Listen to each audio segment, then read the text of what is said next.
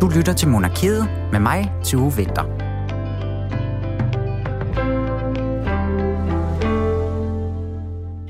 I torsdags, der skrev vi den 28. april, og så var det 250 år siden, at en mand i knæ endte sine dage på Østerfællet i København. I 1772 der blev Johann Friedrich Struense halshugget, og i dag i monarkiet der mindes vi livlægen, oplysningsmanden, kvindebedåren, der jo i en kort årrække forandrede Danmark, men samtidig også havde en affære med dronningen, og derfor jo altså blev en af hovedpersonerne i Danmarks historiens måske største kærlighedsdrama. Det her kærlighedsdrama, eller trekantsdrama mellem Struense og Karoline Mathilde og Frederik, nej undskyld, Christian den 7. var det, det var en Christian den her gang. Det kender de fleste nok til, så i dag der ser vi altså lidt på, hvordan at det her hof, som Struense var en del af i 1700-tallet, nærmest var en, ja, et form for Paradise Hotel nærmest, med seksuelle eskapader og affærer på kryds og tværs i de her fornemme kredse. Journalist Paul Pilgaard, han har kigget nærmere på nogle sladderbreve fra den gang, og de udstiller i den grad det her noget promiskuøse hof. Så har tegner og forfatter Karoline Stjernfeldt, hun er hvad man til gengæld kan kalde en ægte Struense ekspert.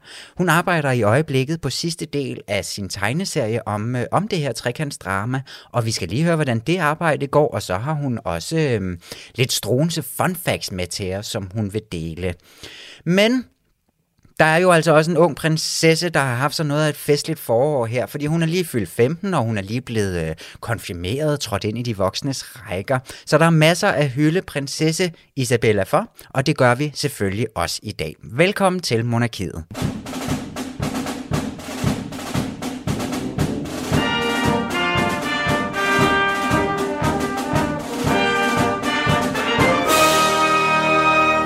Inden vi går i gang med alt det, så skal vi to, Julie Lindhardt Højmark, jo lige vende lidt andre kongegodter her øh, til lands og i verden, ikke?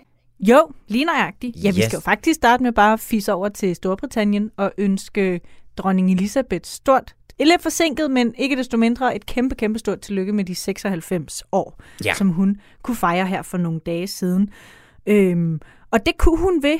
Hun har simpelthen, tu, øh, dronning Elisabeth har fået en Barbie-dukke i fødselsdagsgave. Ja, det er jo også det, jeg altid har ønsket mig. Ja, fordi det er nemlig ikke bare en hvilken som helst Barbie-dukke, det er jo en Barbie-dukke af hende selv. Ja. Fordi, ja, historien er, at firmaet Mattel, som er dem, der laver Barbier, de simpelthen har lanceret en ganske særlig dronning Elisabeth-dukke. Og den er jo ret speciel. Ja, altså dukken, tænker du? Ja, ja, at Ja. ja. den er ja, både i den forstand, at den, den ligner hende, og det gør den ret meget endda, synes jeg. Øh, måske en, en vil jeg tillade mig at sige, en anelse slankere og en lidt yngre, og en, en helt igennem rynkefri udgave af dronning Elisabeth, ja. øh, af det, man får med den her dukke. Men så er den jo også en del af en ret speciel kollektion. Ja, fordi altså, man må jo nemlig sige, at hvis der er noget Barbie kan, ikke, så er det jo ligesom at, at gøre, lave en flot, en flot smal talje, ikke? Og, øh, og, og lige kaste et, par- et par centimeter på lårbenet og så videre. Ja. Øh, det har de jo i hvert fald gjort, men, men det er nemlig, som du siger, det er en del af den her øh, Tribute Collection, som øh, Mattel kalder det. Og det er altså nogen, der, øh, eller det er en kollektion, der, bliver, der hylder berømte og historiske personer. Og inden øhm, Elisabeth her, hun er simpelthen blevet nummer to i den her række, efter øh, skuespilleren fra I Love Lucy, der var, øh, ja, simpelthen også har Ja. fået sin helt egen Barbie-dukke. Spændende. Og man kan sige, fordi at, at altså, det er noget, som Barbie på en eller anden måde har kastet sig over, eller Mattel har kastet sig over, fordi at der findes også Eleanor Roosevelt, der har, øh, der har de faktisk lavet en lidt tykkere ja. Barbie, kan jeg sige. Og man kan jo også godt se på dronning Elisabeths Barbie, at hun jo ikke altså, er Barbie ung. Hun er jo stadigvæk, måske skal vi sige 50 eller sådan noget på. Ja, måske endda 60, men Ja. ja. deroppe er i hvert fald. Ja.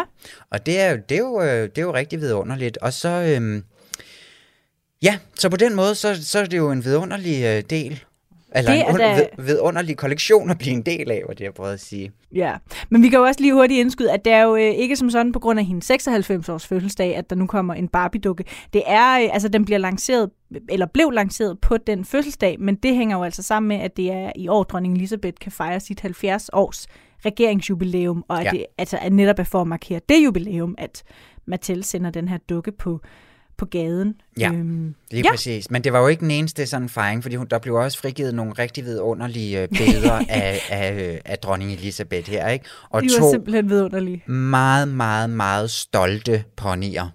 Ja, og så den lille dame næsten klemt ind imellem de her to. Jeg ved ikke engang, hvor store de er, de heste, men de ser jo gigantiske ud, ja. fordi hun ligesom står midt imellem dem, og de altså er det her halve hoved højere end, end hende, og ser, ser jo kæmpe store ud. Ja. De ser kæmpe ja. store ud, og de er helt kridhvide, og de har store, smukke manker. Altså, de ligner jo, de ligner jo så til gengæld en Barbie-hest, ikke? Det gør de, i den grad. Ja. ja. Altså, og så det var, står hun...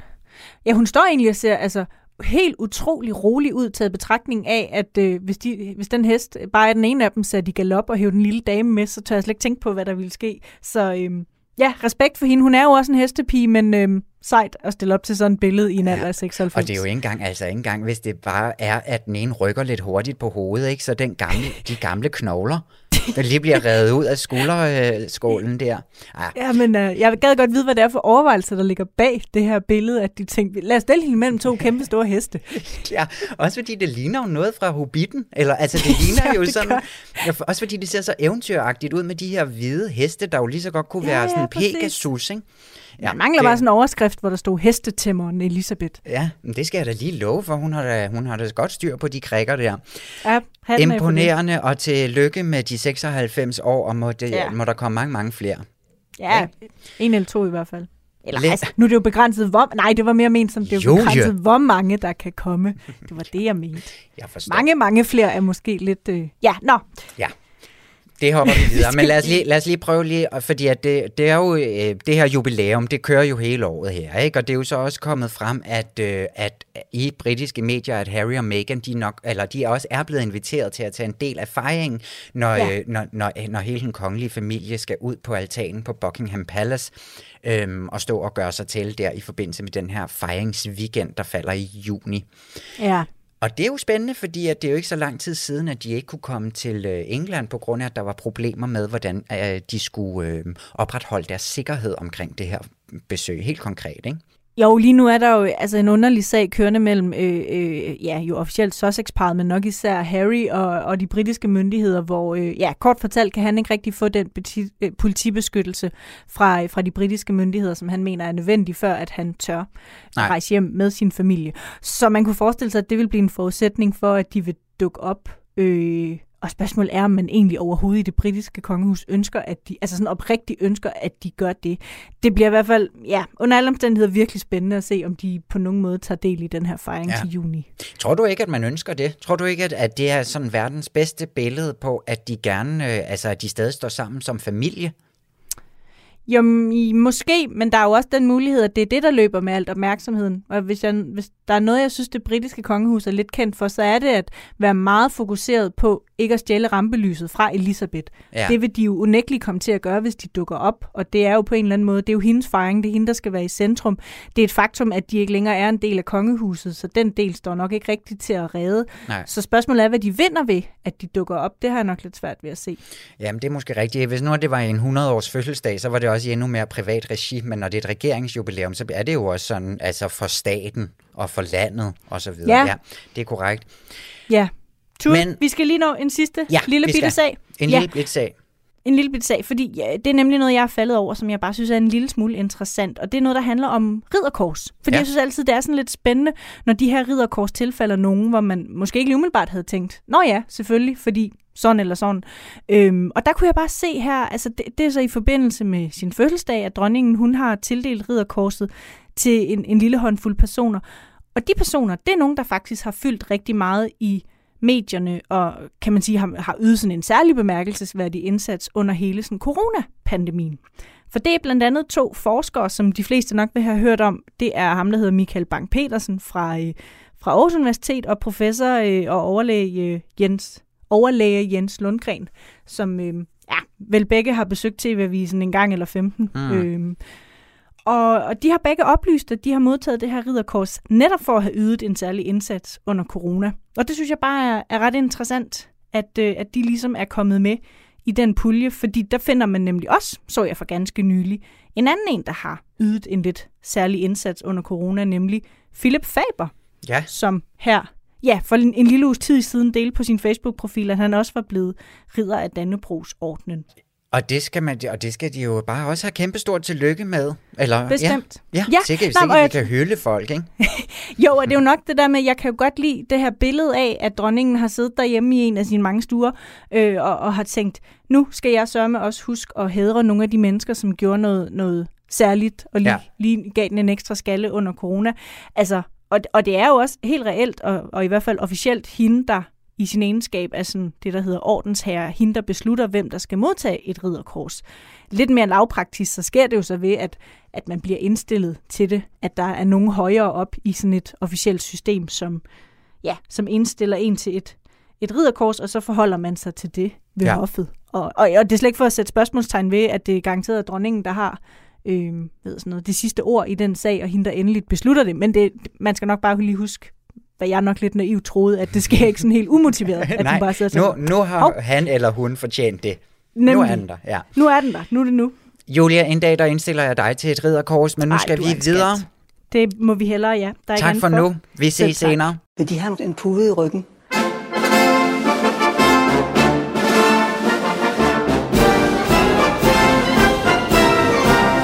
Hvis de vil, så har jeg sagtens lånt dem en pude. Og det vil jeg vældig gerne have. Øh, hvor, er blevet, hvor er mine møbler blevet? Nej.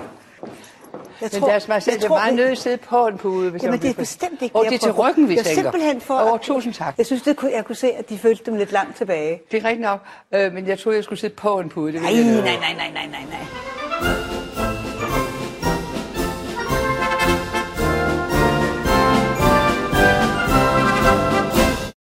I denne uge, der er det jo intet mindre end 250 år siden, at en af de, skal vi sige, helt store ballademager fra den kongelige historie, nemlig livslægen Johan Friedrich Struensee, han blev henrettet. Og derfor så skal vi nu kaste os over en mere kulørt historie omkring den her person, som jo især er kendt for at have en affære med den øh, daværende dronning Karoline Mathilde her i slutningen af 1700-tallet. I Weekendavisen, der kunne man i forrige uge læse øh, simpelthen en vaskeægte sladderhistorie om selskabslivet ved hoffet for de her cirka 250 år siden. Og den var skrevet af dig, Paul Pilgaard Jonsen. Velkommen til Monarkiet. Tak for det. Dejligt, du vil være med. Kunne du prøve bare med din egen ord at fortælle, hvad er det for en artikel, du har, øh, har skrevet? Jeg har jo virkelig skrevet en artikel, der handlede om øh, den relativt korte periode, et par år, øh, måske tre, hvor øh, Struense var den reelle magthaver i Danmark, og hvor der fandtes et, nu sagde du selskabsliv, altså et, mere end det. Jeg vil sige et promiskuøst liv, Ja. ja. et letlevende, et meget frigjort liv ved hoffet og øh, i de, hvad skal man sige, øh, bed- bedre cirkler, altså hos landets spidser. Altså en helt uset frigjorthed og promiskuitet, det skal man jo lige lære at sige, promiskuitet, øh, så, som fandt sted. Og øh, hvordan ved vi så noget om det? Jamen, det gør vi, fordi at øh, der findes nogle breve fra en dame, og det er sådan set øh, et af dem, som jeg bygger min artikel på. Og den her dame, fortæl lidt om hende. Hvad hedder hun, og hvem er hun? Og hvad var det for en indgangsvinkel, hun havde til det her liv? Hun hed Dorothea Bil, og øh, hun var forfatter øh, hun har, og oversætter. Hun har blandt andet oversat som den første Don Quixote til dansk. Og så voksede hun op på Charlottenborg, øh, og øh, senere boede hun i en hjørneejendom på Kongens Nytorv, og hun var angiveligt til sidst så fed, at hun ikke kunne forlade lejligheden. Hun kunne simpelthen ikke komme ud. Så hun kunne sidde og sladre. En meget stor dame. Hun var usædvanligt godt connected. Ja. Øh, hendes øh, far var, eller havde været direktør for enten, nu kan jeg faktisk ikke huske det lige i, i, i siddende stund her, om det var for det kongelige teater eller for øh, kunstakademiet, jeg tror for det kongelige teater, øh, som jo var, hvad skal man sige, en del af kongens øh, hof, kan ja, man hun nærmest var, sige. Hun var tæt på øh, Hun var meget tæt på, øh, på både hoffet og på alle mulige andre spidser, så hun vidste virkelig noget om, hvad der foregik. Og hun fik på et tidspunkt en meget god ven, Johan Bylov hed han. Uh, han blev... øh, Ikke ham med lakridserne? Nej, Nej. præcis, men en navnebror og ja. samme slægt i øvrigt. Øh, Johan Bylov, han øh, blev senere hofmarskal og, øh, og så ejer af en herregård, der hedder Sanderumgård på Fyn. Og øh, de blev altså gode venner, og det var overhovedet ikke amorøst, altså det var helt platonisk. Men øh, hun skrev mere end 400 breve til ham. Øh, og i et af de breve, der fortæller hun om, hvad der egentlig foregik dengang, cirka 10-15 år tidligere, da Struense var ved magten i Danmark. Og mm. det er jo derfra, øh, vi har den lidt øh, sladderagtige ting, men sandsynligvis rigtig sladder, må vi gå ud for, for hun var meget velorienteret, som øh, jeg tænker, jeg måske lige skulle læse op, for Ja. at vi kan få et indtryk af, hvad det er, vi får at vide her, Spændende. og hvorfor at jeg jo øh, i min artikel i Weekendavisen har skrevet, øh, øh, har givet den overskriften 1700-tallet se og hør. Yes. Endelig. Lad os prøve at høre, hvad det var, hun havde at berette om.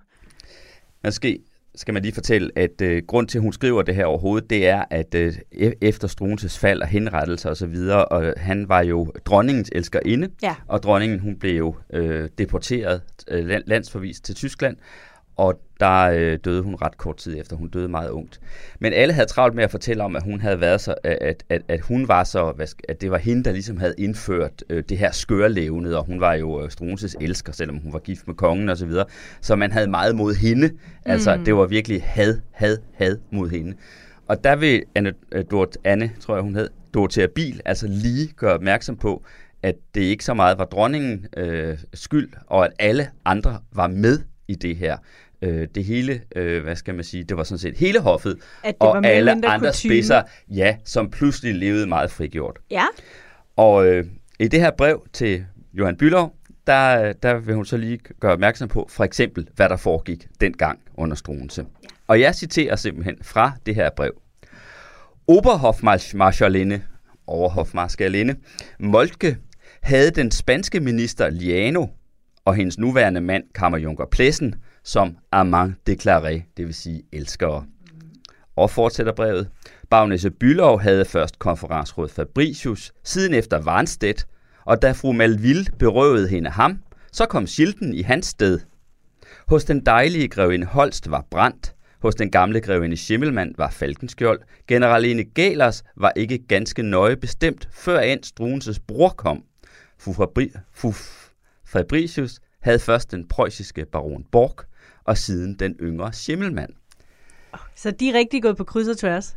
Altså det, som der foregår her, det er jo, at uh, Dorothea Bil øh, jo i virkeligheden fortæller, hvem der knaldede med hvem Fuldstændig. i de øh, glade og frigjorte dage under Struense, som jo altså varede ret kort. Ja. Så må vi tro, at, øh, at, at øh, skørlevnet og det frigjorte liv ved hoffet er faldet en anelse tilbage, selvom det jo selvfølgelig ikke har været forsvundet, fordi det er jo en kendt sag, at, at man tit sådan i... Øh, i, over, i den absolute overklasse, og også ved hoffet, hvad skal man sige, så noget stort på det der med, om hvem man nu var gift med eller ej. Altså det ja. var jo mere, jeg var lige ved at sige praktiske foranstaltninger, men jo i virkeligheden mere et spørgsmål om, hvad skal man sige, altså noget strukturelt, hvem var det passende at gifte sig med, hvem var gode partier, hvem var det politisk opportunt at gifte sig med. Ikke så meget et spørgsmål om den store kærlighed, og det der med troskab, tror jeg, man så noget anderledes på oppe øh, i det miljø, end man så på øh, i de lavere klasser. Mm. Det gælder måske også i dag i virkeligheden. Jo, man kan sige, selvom det er jo i sig selv interessant at, at finde og få de her beretninger om, hvordan livet øh, ved hoffet egentlig har været på den her tid. Men synes du også i sig selv, det kaster et nyt lys over øh, måske den forestilling, vi har om Struense, og hvor, øh, hvor vild en affære det var, han havde, at den måske var lidt mere, øh, hvad skal man sige, øh, gængs i forhold til, hvordan tiden var? Jeg synes, det, øh, det viser i hvert fald, at øh, der er jo ikke nogen, der har undladt at komme til de her fester, mm. selvom Struense og dronningen, som jo altså var Struenses elskerinde, Ja. øh, og alle vidste det sandsynligvis, holdt festerne. Ja. Altså alle de andre var der også, og de morede sig til synligheden ganske glimrende, kan man sige. Så øh, jeg tror, at øh, man kunne vel sikkert også forestille sig, at, øh, at, at de, som synes, det har været alle tiders, der Struense var der, hvad hedder det, har- også har været nogle af dem, der efterfølgende har haft travlt med at fortælle om, hvad hedder det, hvor forfærdelig han var, da nu, hvad mm. hedder det, tiderne var skiftet, nogle andre var kommet til magten, og sådan er det jo tit, altså det er opportune, øh, at, man holder, øh, øh, at man holder sig til dem, der er ved magten. Det, øh, ja, det ser man jo, det, det er jo helt normalt, ikke? Jo. Og der er det jo altså lige, vi har øh, Dorothea Bil her, der, hvad skal man sige, jo nærmest er sådan lidt moralsk her, altså sådan lige vil gøre opmærksom på, at der var sandelig også andre end dronningen og Struense, Ja, der fyrede den af, og som gjorde alt det, som i dag dronningen, i dag dengang, dronningen bliver bebrejdet, altså øh, var umoralsk, ikke? Jo, men er der også noget i, øh, nu siger du også, eller i hvert fald synes jeg, du var inde på, at, at, at den her, øh, ja, det her promiskuøse selskabsliv, at det lidt stopper med henrettelsen af Struense. Er det ham, der på en eller anden måde har været den udløsende faktor for, at det har kunne finde sted, eller, eller hvordan hænger det ellers sammen med ham? Det tror jeg, man må sige, på, at, at det i hvert fald har været så udbredt og så åbenlyst, fordi rent faktisk, der findes også nogle andre kilder. Der findes for eksempel en brasiliansk øh, politiker, øh, øh, og filosof, som var på en Europa-rundrejse, og som også opholdt sig nogle uger i øh, København på det tidspunkt. Øh, og øh, han, øh, eller ikke lige under Struense, men nogle, nogle år efter, og han fortæller, hvordan han i København deltager i et øh, stort bal for øh, sku, øh, Københavns skuespillerinder. Og der øh, fortæller han i sin dagbog om, hvem der er der, og der øh, fortæller han blandt andet, at øh, den yndige skuespillerinde, unge skuespillerinde, Marine Nielsen, sidder ved siden af, af, af sin øh, elskers kone. Simpelthen. Så ja. altså, selv en fremmed mand, der er kommet udefra, har ligesom hvad skal man sige, været klar over og forstået, at når man, der var en mand, der havde en elskerinde, øh, og, og hans kone var der i øvrigt også og var med til at arrangere ballet. Så utroskab og det, at man kunne have elskerinder eller matresser, som det jo hed, men det, det, lyder, det lyder sådan lidt, det lyder mindre slemt, ikke? Ja, det det. det. Har jo været helt, øh, helt udbredt øh, altid, øh, og også dengang. Jeg tror, man skal forstå det sådan, at det under Struense var der en frigjorthed. Vi skal huske på, at øh, Struense er jo først og fremmest kendt for at, hvad skal man sige, have sat trykkefriheden øh, fri, eller sat øh, ja, der ikke retten fri. Der var simpelthen en periode, hvor man pludselig måtte trykke og sige, mm. hvad man vil. Øh, men det var altså ikke kun trykkefriheden, det var altså også en eller anden form for erotisk øh, frigørelse, ja. som fandt sted her, øh, og som jeg synes er meget interessant, og derfor det, jeg synes, det er værd at skrive om i weekendavisen, også i virkeligheden. Ikke? Men altså, vi ved for eksempel, nu er der nævnt øh, Fabricius i øh, Bils brev her, øh, og, og for Marianne Nielsen der, som jeg nævner, var Fabricius inde. Det fremgår øh, senere, at øh, denne Marianne Nielsen rent faktisk øh, fik stillet en fløj eller en tilbygning til rådighed hos, på Fabricius' lystgård uden for København, Øh, så hun boede nærmest fast, og Fabricius boede der altså sammen med, med sin kone, mm. men i en tilbygning boede sig elsker inden, og hun fik stillet en, øh, hans øh, hestevogn og heste til rådighed, så hun kunne tage tur ned på stranden, og havde i øvrigt også besøg af andre mænd der. Øh, så det var overhovedet ikke nogen hemmelighed, kan man sige, at, øh, at der var en sådan elskerinde eller matrese. Øh, og, og det er også derfor, jeg siger, at jeg tror, at i de, øh, i de øverste cirkler, i de højeste kredse, der har man altid betragtet det her med utroskab, altså som noget, der ikke var så meget værd at gå op i, mm. som man måske har, har syntes i lavere klasser. Det er i hvert fald interessant at vide, at øh, Struense, som jo er kendt for at have dyrket de her frihedsidealer, måske også har været en udløsende faktor for et meget frit liv i øvrigt på, øh, på nogle af de, af de andre punkter også i tilværelsen. Tak fordi du lige ville komme ind, Paul Pilgaard Jonsen, som altså er journalist på Weekendavisen og fortælle om den her historie. Velbekomme. I dag er en meget spændende dag, så jeg er sikker på, at de kan forstå, at jeg er en lille smule nervøs.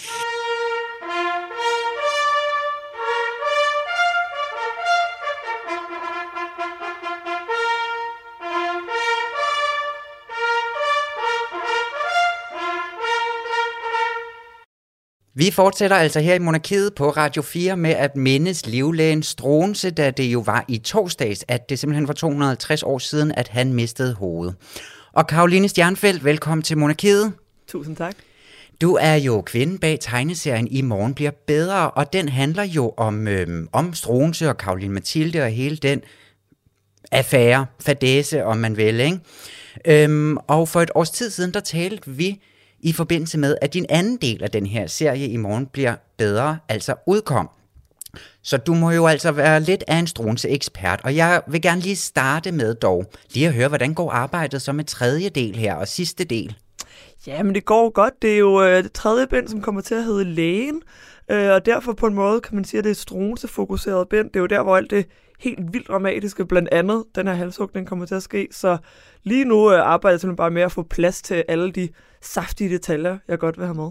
Ja, hvor er du henne i processen? Er du gået i gang med at tegne det og så videre? Jeg er lige så stille gået i gang med at tegne, men lige nu er det, jeg simpelthen kæmper med øh, allermest, det er det, man kalder øh, billedmanus, som er min plan. Det er ligesom øh, sådan en stor arkitektplan for alle tegneserierne, fordi min udfordring er simpelthen at holde det her værk på under 300 sider, øh, og samtidig få alt det med, jeg gerne vil have med. Så det er der, jeg er indtil videre. Ja. Er det svært? Er det svært at begrænse dig? Jeg synes, det er super svært. Jeg er ikke en person, der er god til at fatte mig i korthed. Nej. Øh, det er jo et projekt, jeg arbejdede på, siden jeg var 19 år gammel. Jeg troede, det skulle være et år, og hele bogen skulle være 100 sider. Jeg er 29 nu, og indtil videre fylder de første to bøger alene næsten 400 sider. Så øh, jo, det er svært. Jeg synes, det er rigtig svært, men det er jo også, fordi det er så spændende stof, simpelthen. Det er så spændende stof, og vi er flere, der jo er glade for, at der kommer endnu mere af denne her historie. Men hvornår, altså har vi nogen udgivelsesdato sådan på beding, cirka? Jamen, der skal jo komme næste år, så det øh, Næste år, må vi se på. det må vi se på. Men så indtil da, så kunne jeg i hvert fald, øh, på din Instagram, der kunne jeg se, at du har lavet nogle af de her tegninger i øh, personstørrelser til en udstilling på Hørsholm Ejns Museum. Hvad, øh, kan du ikke lige prøve at fortælle lidt om, hvad det går ud på? Jo, men det er en super fed udstilling, der åbnede her i torsdags øh, oppe i Hørsholm øh, på deres Ejns Museum. Øhm, det er en øh, udstilling, jeg har arbejdet på de sidste par måneder, som øh, hedder Keep Me Innocent. Det er et citat, man øh, krediterer til Karl Mathilde.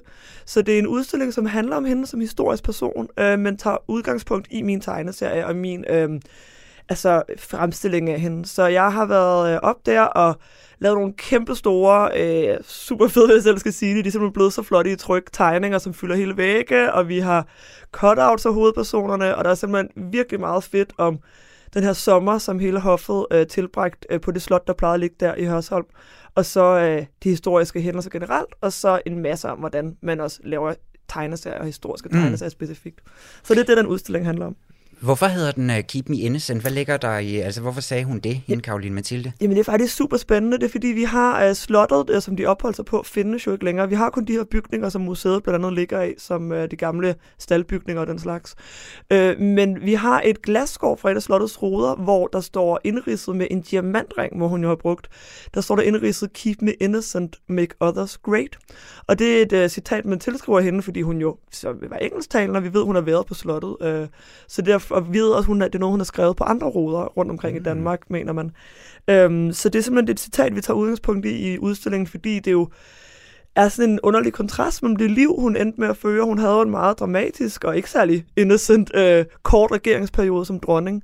Så øh, der er noget virkelig spændende ved det her citat, som vi øh, tilskriver hende, øh, og så den historiske person, vi kender. Her i Ben 3, som jo så er på trapperne, og du sagde det jo også lige selv, at der kommer den her halshugning jo nok til at finde sted, ikke? Altså uden at, ja, vi har jo spoilet det, kan man sige. den er svær at komme sket, udenom. Ikke?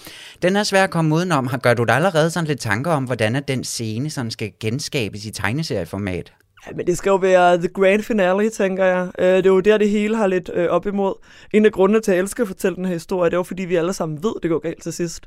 Og det er det, der er så fedt ved at få lov til at tilbringe så meget tid med de her karakterer, som øh, vi endte med at gøre i min udlægning af historien, fordi jeg har gjort Mm. den så lang.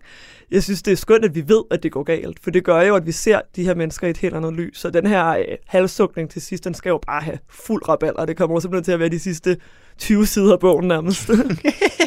ja, måske også derfor, at du har, øh, ikke rigtig sådan kan øh, fatte dig i korthed, hvis du siger 20 sider med den. Præcis.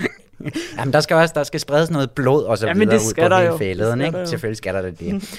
Og så fristes jeg jo også lidt til at sige, ikke? at vi kender jo alle sammen hovedlinjerne i den her fortælling om Struense, så jeg har jo faktisk bedt dig om måske sådan at tage lidt fun facts med, nu hvor du er så godt inde i det her stof. Ikke? Og normalt med sådan nogle, øh, når der er jubilæer og fødselsdage og sådan noget, så, så kan man i hvert fald i sådan en damemagasin og tit læse sådan nogle ting, du måske ikke vidste om en eller anden. Ikke? Kan du ikke lige øh, måske prøve sådan at komme med nogle sjove fun facts om ham her Struense, som man sådan kan, øh, kan, kan gå og, og strø om, så når det passer hen, ikke? Oh. Hvad, hvad er der ligesom sådan af, af, sjove ting på ham, udover sådan hele hans store livsfortælling? Ej, men altså, hvor skal man starte? Altså, nu øh, siger jeg jo selv, at jeg behandler hele den her historie som en lang tragedie, så normalt er jeg jo meget til øh, det modsatte af fun facts, the sad facts, som vi rigtig kan få ind op af stolen af. Nej, hvor var det forfærdeligt. Men jeg har jo lige, jeg har jo lige øh, tænkt mig om så, og jeg har øh, en fun fact, og lidt mere tunge fact, og en, og en fun Ja. ja. fact igen. Så øh, jeg Men synes... Øh, altså, måske man også godt faktisk kunne udbrede det til sad facts. Altså, sad jeg facts, synes jo, sad facts for de mig er det fun facts, ikke også? Det er jo dem, der Jo. er, dem jeg synes er saftige. Men øh, altså, en sjov ting om Struense, som der er mange, der ikke øh, ved, tror jeg, det er, at han var øh, så vidt vi øh, kan tilskrive det, den første øh, person i Danmark, der brugte tandpasta. Ja. øh, og han var jo kendt som lidt af en womanizer allerede før han kom til det danske hof, da han var læge nede i Altona, der var alle damerne vilde med ham. Øh, det synes jeg sådan set giver meget god mening, når man, øh, når man tænker på det, at øh, de synes, det var ret fedt med den her dude, som havde perlende frisk ånde, og jeg synes også, det giver meget god mening, hvorfor kom Mathilde pludselig bare slet ikke kunne holde nallerne væk, da han ankom til hoffet, i modsætning til hendes egen mand, som i øvrigt også var hendes fætter, og som ikke havde lavet andet end at sidde og spise slik, uden nogensinde at bruge så meget som mundskyld hele sit liv. Nej. Øhm, så kan jeg godt forstå, at han var lidt udmodståelig. Øhm, er måske generelt bare det med, at han havde tænder. Ja, præcis. præcis. Jo, jo, jo, det er det. det, er det. Han troede også på en generel idé om at vaske hænder, så vidt vi ved. Så der har været dobbelt whammy der. Altså. Og han har været forud for sin tid på det her punkt også, med personlig hygiejne Det har på en eller anden måde. ja. Ikke? Ja, så stærkt.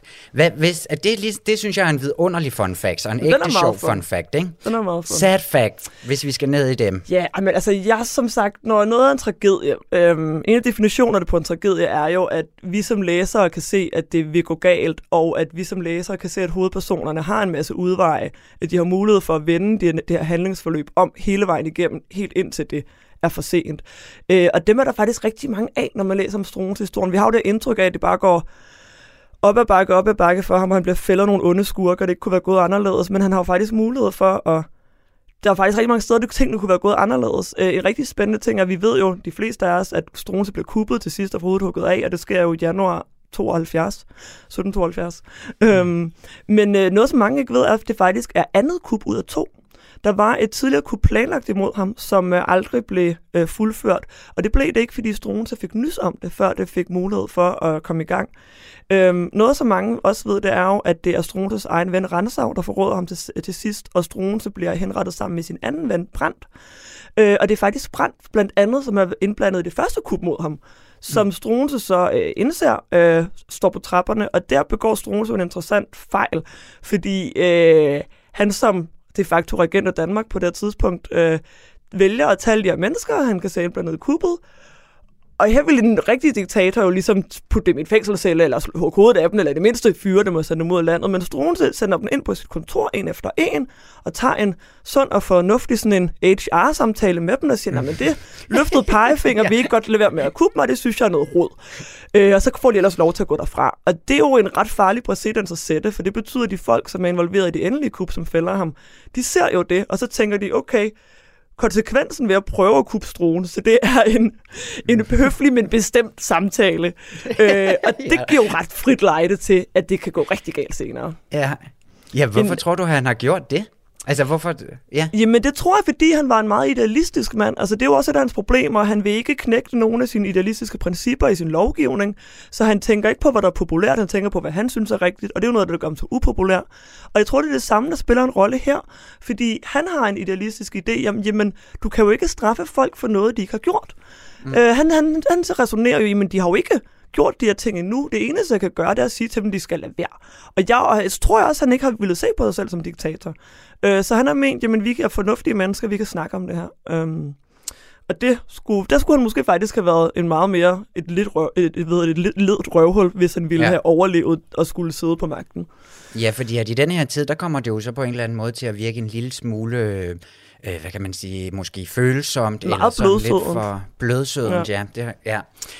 Hvad, øh, har du andre sad eller fun facts, Altså, jeg vi vil godt lige give en hale på den, jeg lige har kommet med, fordi den er jo lidt Ja. mere sådan dramatisk og alvorlig. Men jeg kan øh, lige hilse at sige, at to af de personer, der er involveret i det her kup mod ham, de hed hen, øh, henholdsvis øh, von Osten, hvilket jeg aldrig kan læse som andet end von Osten. Nej. Øh, og så øh, er der en anden, og jeg ved simpelthen ikke, hvordan man kan udtale det på en anden måde end Numsen. Så det var... Øh, Osten og Numsen, der var involveret i det kup, oprindelige kup mod Struense, som jo så desværre aldrig blev sådan noget, hvilket jeg er lidt ærgerlig over, fordi det ville have været skønt at skulle stå mere på de navne i historiebøgerne. ja, det var øhm, altså dem, der endte til samtale op på chefens Det var dem, der kontor fik en, øh, et, et slag hen over nallerne i stedet for Ja. ja. mere alvorlige konsekvenser, ja. ja, det er også et godt forbryderpar, hvis der er Ah, nogen, der vil altså, lave en Osten og spin-off på det, ja, ikke? Ja. Jeg vil sige, skønt. Der er også noget med, at han jo kommer fra den her biskop, eller hans far var biskop, Ja, sådan det var set, han, ikke? ja. Hvordan ender med, at han så ender med at blive læge? Det ligger jo sådan set også lidt i hans gener, om man vil, ikke? Det jo, det gør fortalte det nemlig. om. Ja. Det gør det nemlig. Altså, øh, det er rigtigt, at Struenses far var, øh, hvad hedder det, præst og biskop, og mange af øh, særligt i hans samtid øh, tilskrev jo hans egen religionsfjendtlighed med, at jamen, han havde sikkert også fået en meget streng øh, kristen opdragelse, men altså alt tyder på, at han havde en meget helt standard far. Det virker ikke som, den der præstefar var særlig hård med det der kristne noget, men ingen af hans sønner ender alligevel med at blive præster. Struense mm. ender jo som du siger, som vi alle sammen ved, han ender med at blive læge. Men det har han sådan set ikke for fremmed, fordi hans morfar, Johan Samuel Karl, som Struense højst sandsynligt er opkaldt efter, Struenses øh, fornavn var jo også Johan, øh, han var læge. Øh, og ikke nok med, at han var læge, han var faktisk kongens livlæge. Øh, han var øh, Christian 7. Øh, bedstefar, øh, Christian 6. Han var simpelthen øh, livlæge for ham, og havde en øh, karriere, der minder lidt om Struens, så han blev enormt populær ved, ved, ved kongen, og kom ligesom hurtigt op i graderne. Øhm, men ender så ligesom, også med, som Struens, med, han ender med at blande sig i politik. Han var det, som, øh, den, øh, han, han var det, som man kalder pietist, som det skal ikke komme for meget på, men det var en forholdsvis ny strømning inden for kristendommen dengang, og det var meget kontroversielt. Så han gjorde sig enormt meget uvenner med en masse af præsterne, og blev derfor vippet ud af hoffet til sidst. Så der er ligesom det her spøgelse i Stroles generation, eller i Stroles øh, slægt, men der er den her forgænger i form af hans morfar, som har en lignende karriere, der bare ikke går nær så galt. Blandt andet fordi, at han ikke kupper magten og er ikke ligger i med dronningen, hvilket nok var meget smart. Så han overlever det jo faktisk, øh, Struenses morfar, og ender med at øh, bo hos sin svigersøn, og derfor med den unge Struense, som jo øh, måske øh, højst sandsynligt har været meget inspireret af ham. Ja, og måske også lige fremhørt sådan øhm, øh, ting og sager fra det danske hof. Jamen, altså, det har da sikkert været en uh, legende rundt om den her morfar, at han har haft den her karriere som kongens livlæge. Det var jo en fin ting at være, ikke også? Ja. Så det er helt Ja. sikkert uh, spillet en rolle, og da Struense skriver sin disputat, der tildeler han jo også den til sin morfar faktisk. I starten, der står den, at den er til, til ham simpelthen. Så de har haft et nært forhold. Ja, men hvorfor tror du, at han så sådan er røget mere eller mindre ud af den her fortælling, hvis han også har været en del af altså, kongefortællingen i Danmark også?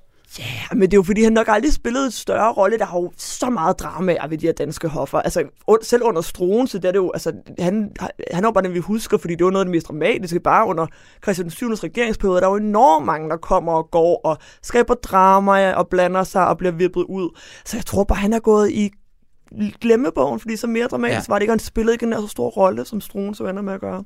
Men det er jo interessant, når vi netop er så interesserede i Struense. Ja, og det, man kan også sige, at, at hvis man vil have sådan noget af et eftermæle, så er det måske meget fint at ende i en halshugning.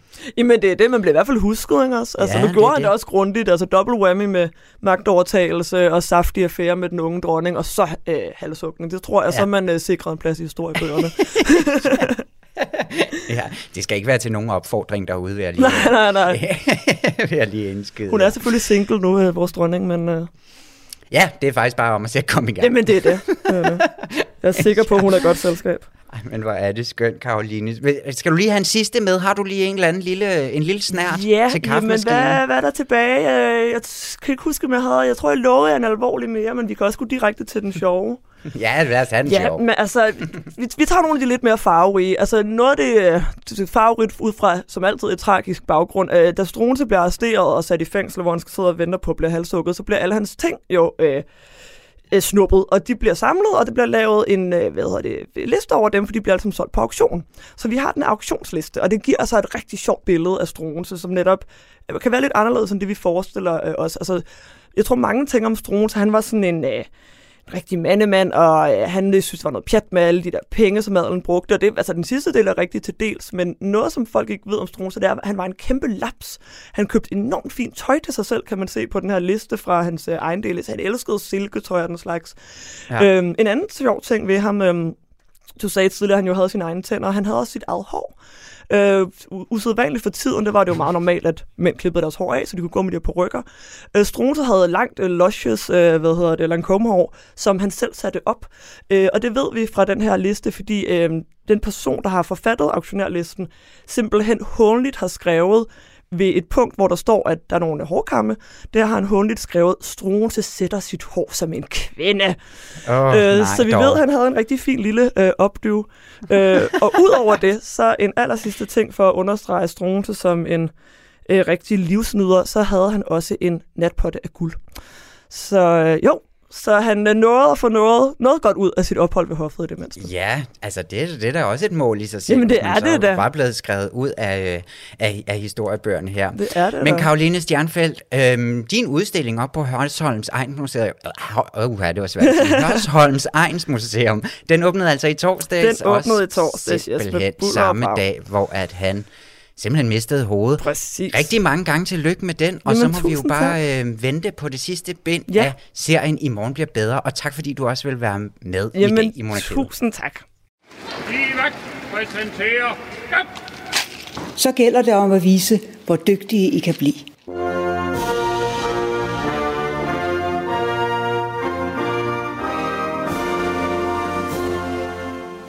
Udstillingen på øh, Hørsholms Egnsmuseum med altså Karoline Stjernfelds øh, tegninger og tegneserier osv., den kan ses helt ind til november 2023. 2023 hedder det. Så der er god tid til at komme øh, en smut til Nordsjælland og se, øh, hvad hun har deroppe.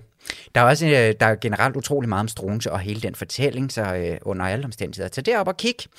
Men Julie, ikke mere om Struense nu. Du er tilbage. Nej. i studiet, og det betyder jo, at vi skal quizze. Det gør det nemlig. Ja, så Ja. dejligt, at du er tilbage, fordi at vi kan jo, øh, selvom vi har jo holdt Struense dag i dag, så er der jo altså også en, en, øh, en ung prinsesse, der har haft sådan noget af et forår her, ikke? Hun øh, Jo. blev øh, konfirmeret i øh, går. I går. Stort tillykke med konfirmationen, Stort. prinsesse Isabella. Stort, stort, stort tillykke. Hun har også lige fyldt 15, og det er måske også her, vi så lige skal sige, at vi faktisk optager, før hun er blevet konfirmeret. Ja, Så vi ved så ikke, hvad der er sket. Nej, vi har nok en formodning om, at det... Altså, skal vi ikke regne med, at det hele er gået sådan lige efter bogen med, at øh, de er mødt op i Fredensborg Slotskirke, Slotskirke øh, at hun sagde ja og ikke nej, og Jo. så har de stillet an til noget fotografering, og gav så vide, om prins Christian har lavet en lille øh, sag, som gør, at det er ham, der stjæler rampelyset den her gang. Det, ja, det kan vi sidde her og, øh, og kun gætte på, men det må vi altså gå mere i dybden med i næste uge. Ja, lige præcis, fordi at på onsdag, så kommer der jo et helt nyt program, og hvis hun har lavet noget outrageous, som man siger på ung, ungdomssprog, så, øhm, så, så vender vi det jo selvfølgelig næste uge. Men ikke desto mindre, så har hun jo altså haft fødselsdag her, også for, øh, ja, hvad, en uges tid siden cirka. ja den 21. april. Og i den forbindelse, der kom der jo nogle dejlige øh, billeder, som jeg synes, vi måske det også godt der. lige kan vende lidt, ikke? Jo, altså de var virkelig, virkelig, altså de var gode først og fremmest. Hold da op, hvor ser hun øh, altså bare smuk og dejlig ud, hvis jeg må være så Ja. fri. Og så synes jeg også, interessant sådan, øh, valg af, hvad hun, hvordan hun er påklædt. Hun ser bare så cool og rå og businessagtig ud, den unge 15-årige dame. Og hun er, og hun er stylet nemlig, som du siger, også utrolig, altså ja, businessagtigt og meget voksent, ikke? Jo, altså hun, bestemt. Det er virkelig en, øhm, en, en prinsesse, der nu på en eller anden måde, i hvert fald rent styling, er trådt ind i de voksnes rækker, og selvfølgelig også øh, kristent trådt ind i de voksnes rækker. Ikke? Men, øhm, Jo.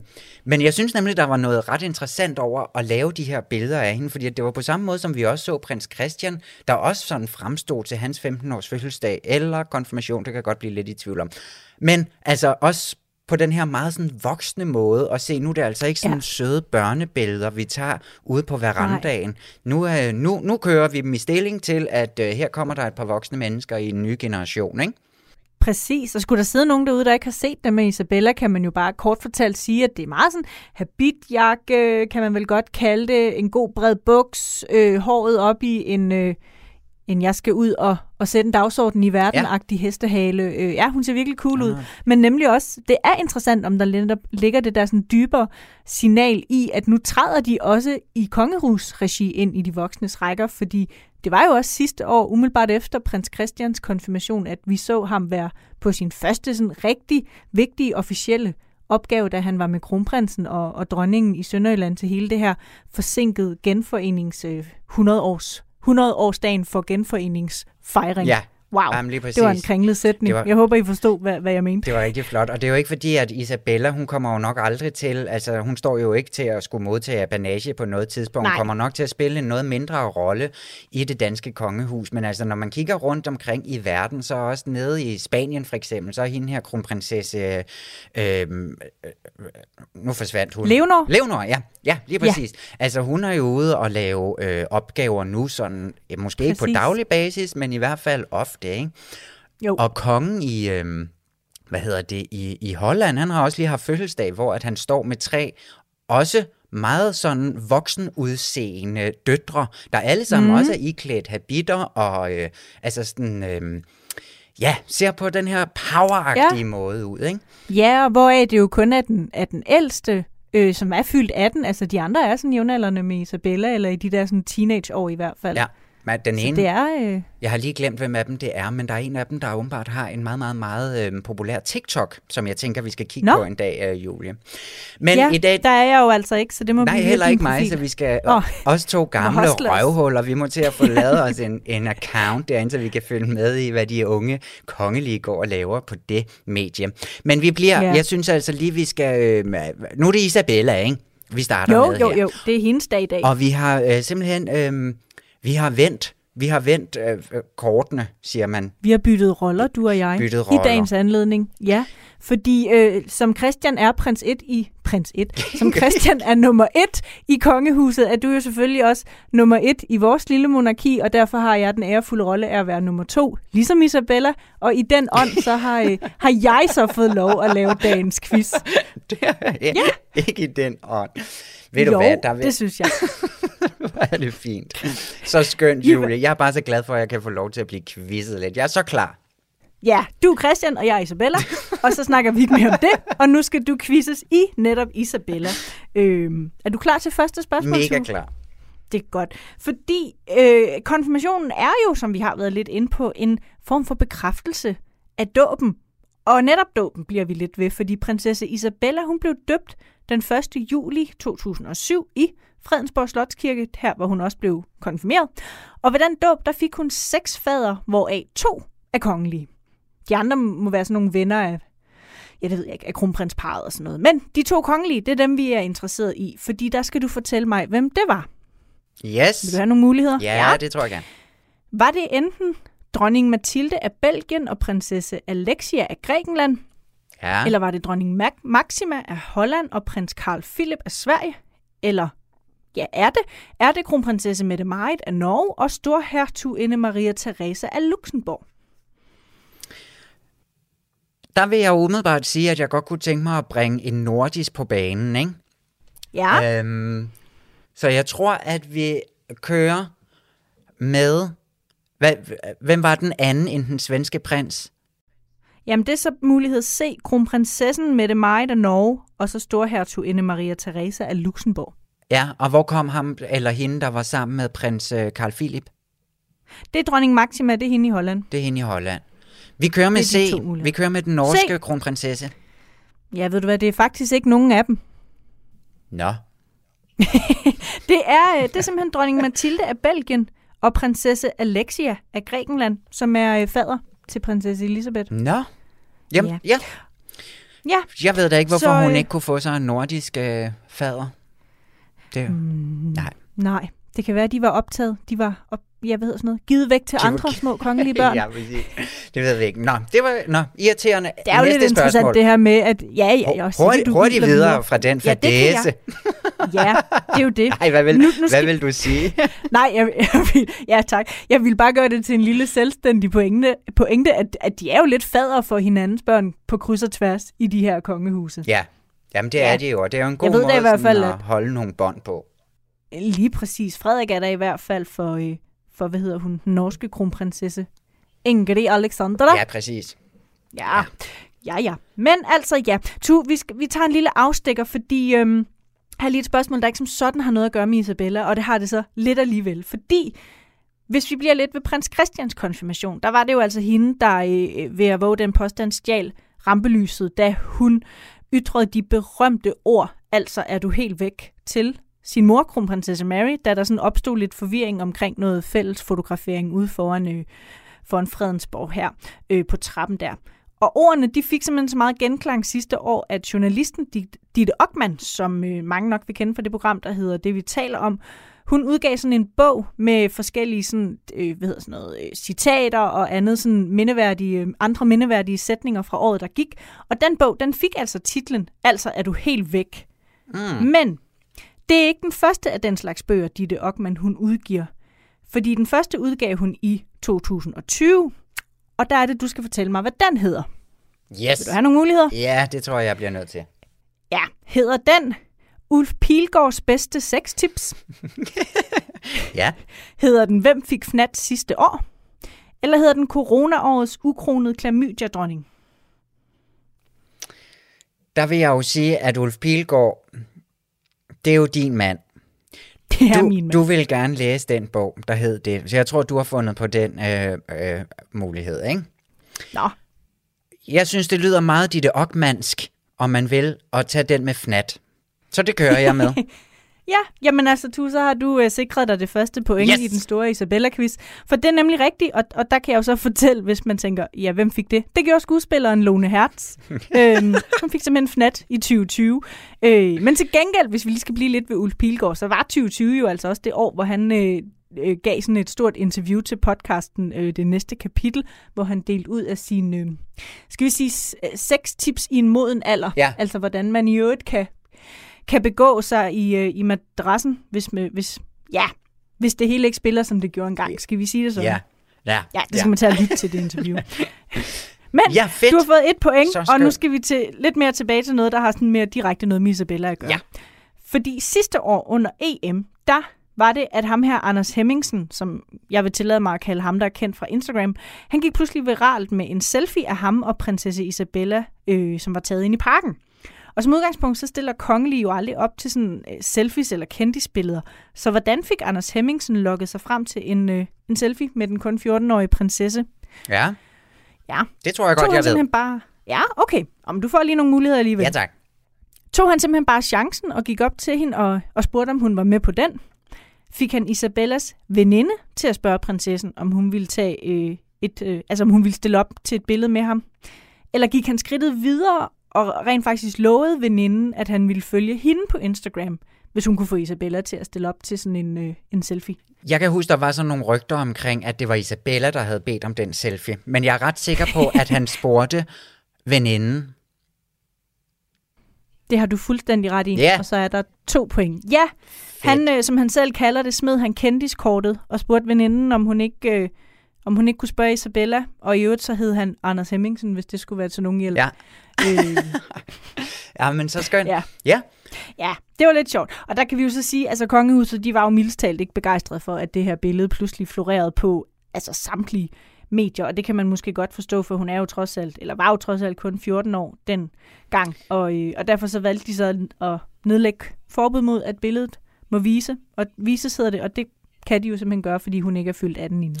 Lige præcis. Man kan også sige, Ja. at ja, så må man ty til sådan en syvende klasses metode, ikke? Lige spørge veninden. Ja, Ja. der er ikke andet for.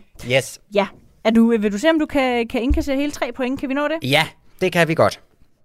fantastisk, fordi den her øh, har jeg glædet mig til at, øh, at, at høre dig om. Mm. Tidligere på ugen, der fangede øh, Billedbladet nemlig kronprins Frederik, da han overrakte geografiens talentpris i København. Mm. ja, sikkert event. Øhm, og her der spurgte den udsendte reporter ham, hvad han egentlig ser frem til i forbindelse med, øh, med konfirmationen her lørdag. Øh, Det svarer han så overhovedet ikke på. Øh, Jeg tror måske, han, han prøver, eller i sin egen optik tror han svarer, men i hvert fald så får han sagt noget i retning af, at konfirmation, det er jo en meget, meget skældsættende begivenhed og en god tradition, som prinsesse Isabella selvfølgelig har levet sig ind i. Men hvordan er det, hun har levet sig ind i den ifølge kronprinsen? Er det via meningsfulde samtaler med især sin farmor, altså dronningen? Eller har hun genbesøgt nogle af de mest skældsættende historier fra Bibelen? Eller har hun simpelthen været i kirke et par gange? Ja, altså, ja, hun, hun, øh, dronningen der, ikke? Hun har jo rendt rundt og taget med i kirke. Det har vi set på sociale Ja. medier. Jeg synes, det lyder meget som vores kronprins at sige, at hun har været i kirke et par gange, uden at tænke videre over det. Det siger jeg se. Ja, jamen det er også fuldstændig rigtigt, Tu. Ja, der kan, det Ifølge kan den jeg stolte høre ham fad- sige. Ja, det kan man nemlig. Ifølge den stolte fader har hans datter været i kirke et par gange. Ja. Og så skal jeg da også love for, at man er klar til at, at bekræfte sin tro. Det er man da virkelig. Så yeah. flot, Amos. Ikke en masse point, jeg fik, var? Ja, det gjorde du godt nok. Ja. Tre point. Og så synes jeg, hvis jeg bare lige må tilføje noget, man virkelig også nemlig kan høre kronprinsen sige, det er, at Isabella har taget de her kirkebesøg med, citat, en nysgerrighed og en tro på livet. Ja. Varbe har. Varbe har, så har man da heller ikke sagt for meget. Nej, lige præcis. Men ja, hun blev konfirmeret, og du fik tre smukke point. Og således nåede vi også til vejs ende i dag. Vi nåede simpelthen til vejs ende, og vi fik jo altså øhm, ja, snakket om, om Struenses afhuggede hoved og om Isabella, og sådan, sådan når man i mål i et øh, royalt radioprogram. Ikke? Men Bestemt. vi er altså tilbage igen allerede på onsdag, og husk nu, at du altid må skrive til os på monarkiet, snabelag radio4.dk. Nu får du nyheder. Tak for i dag. Vil de have en pude i ryggen?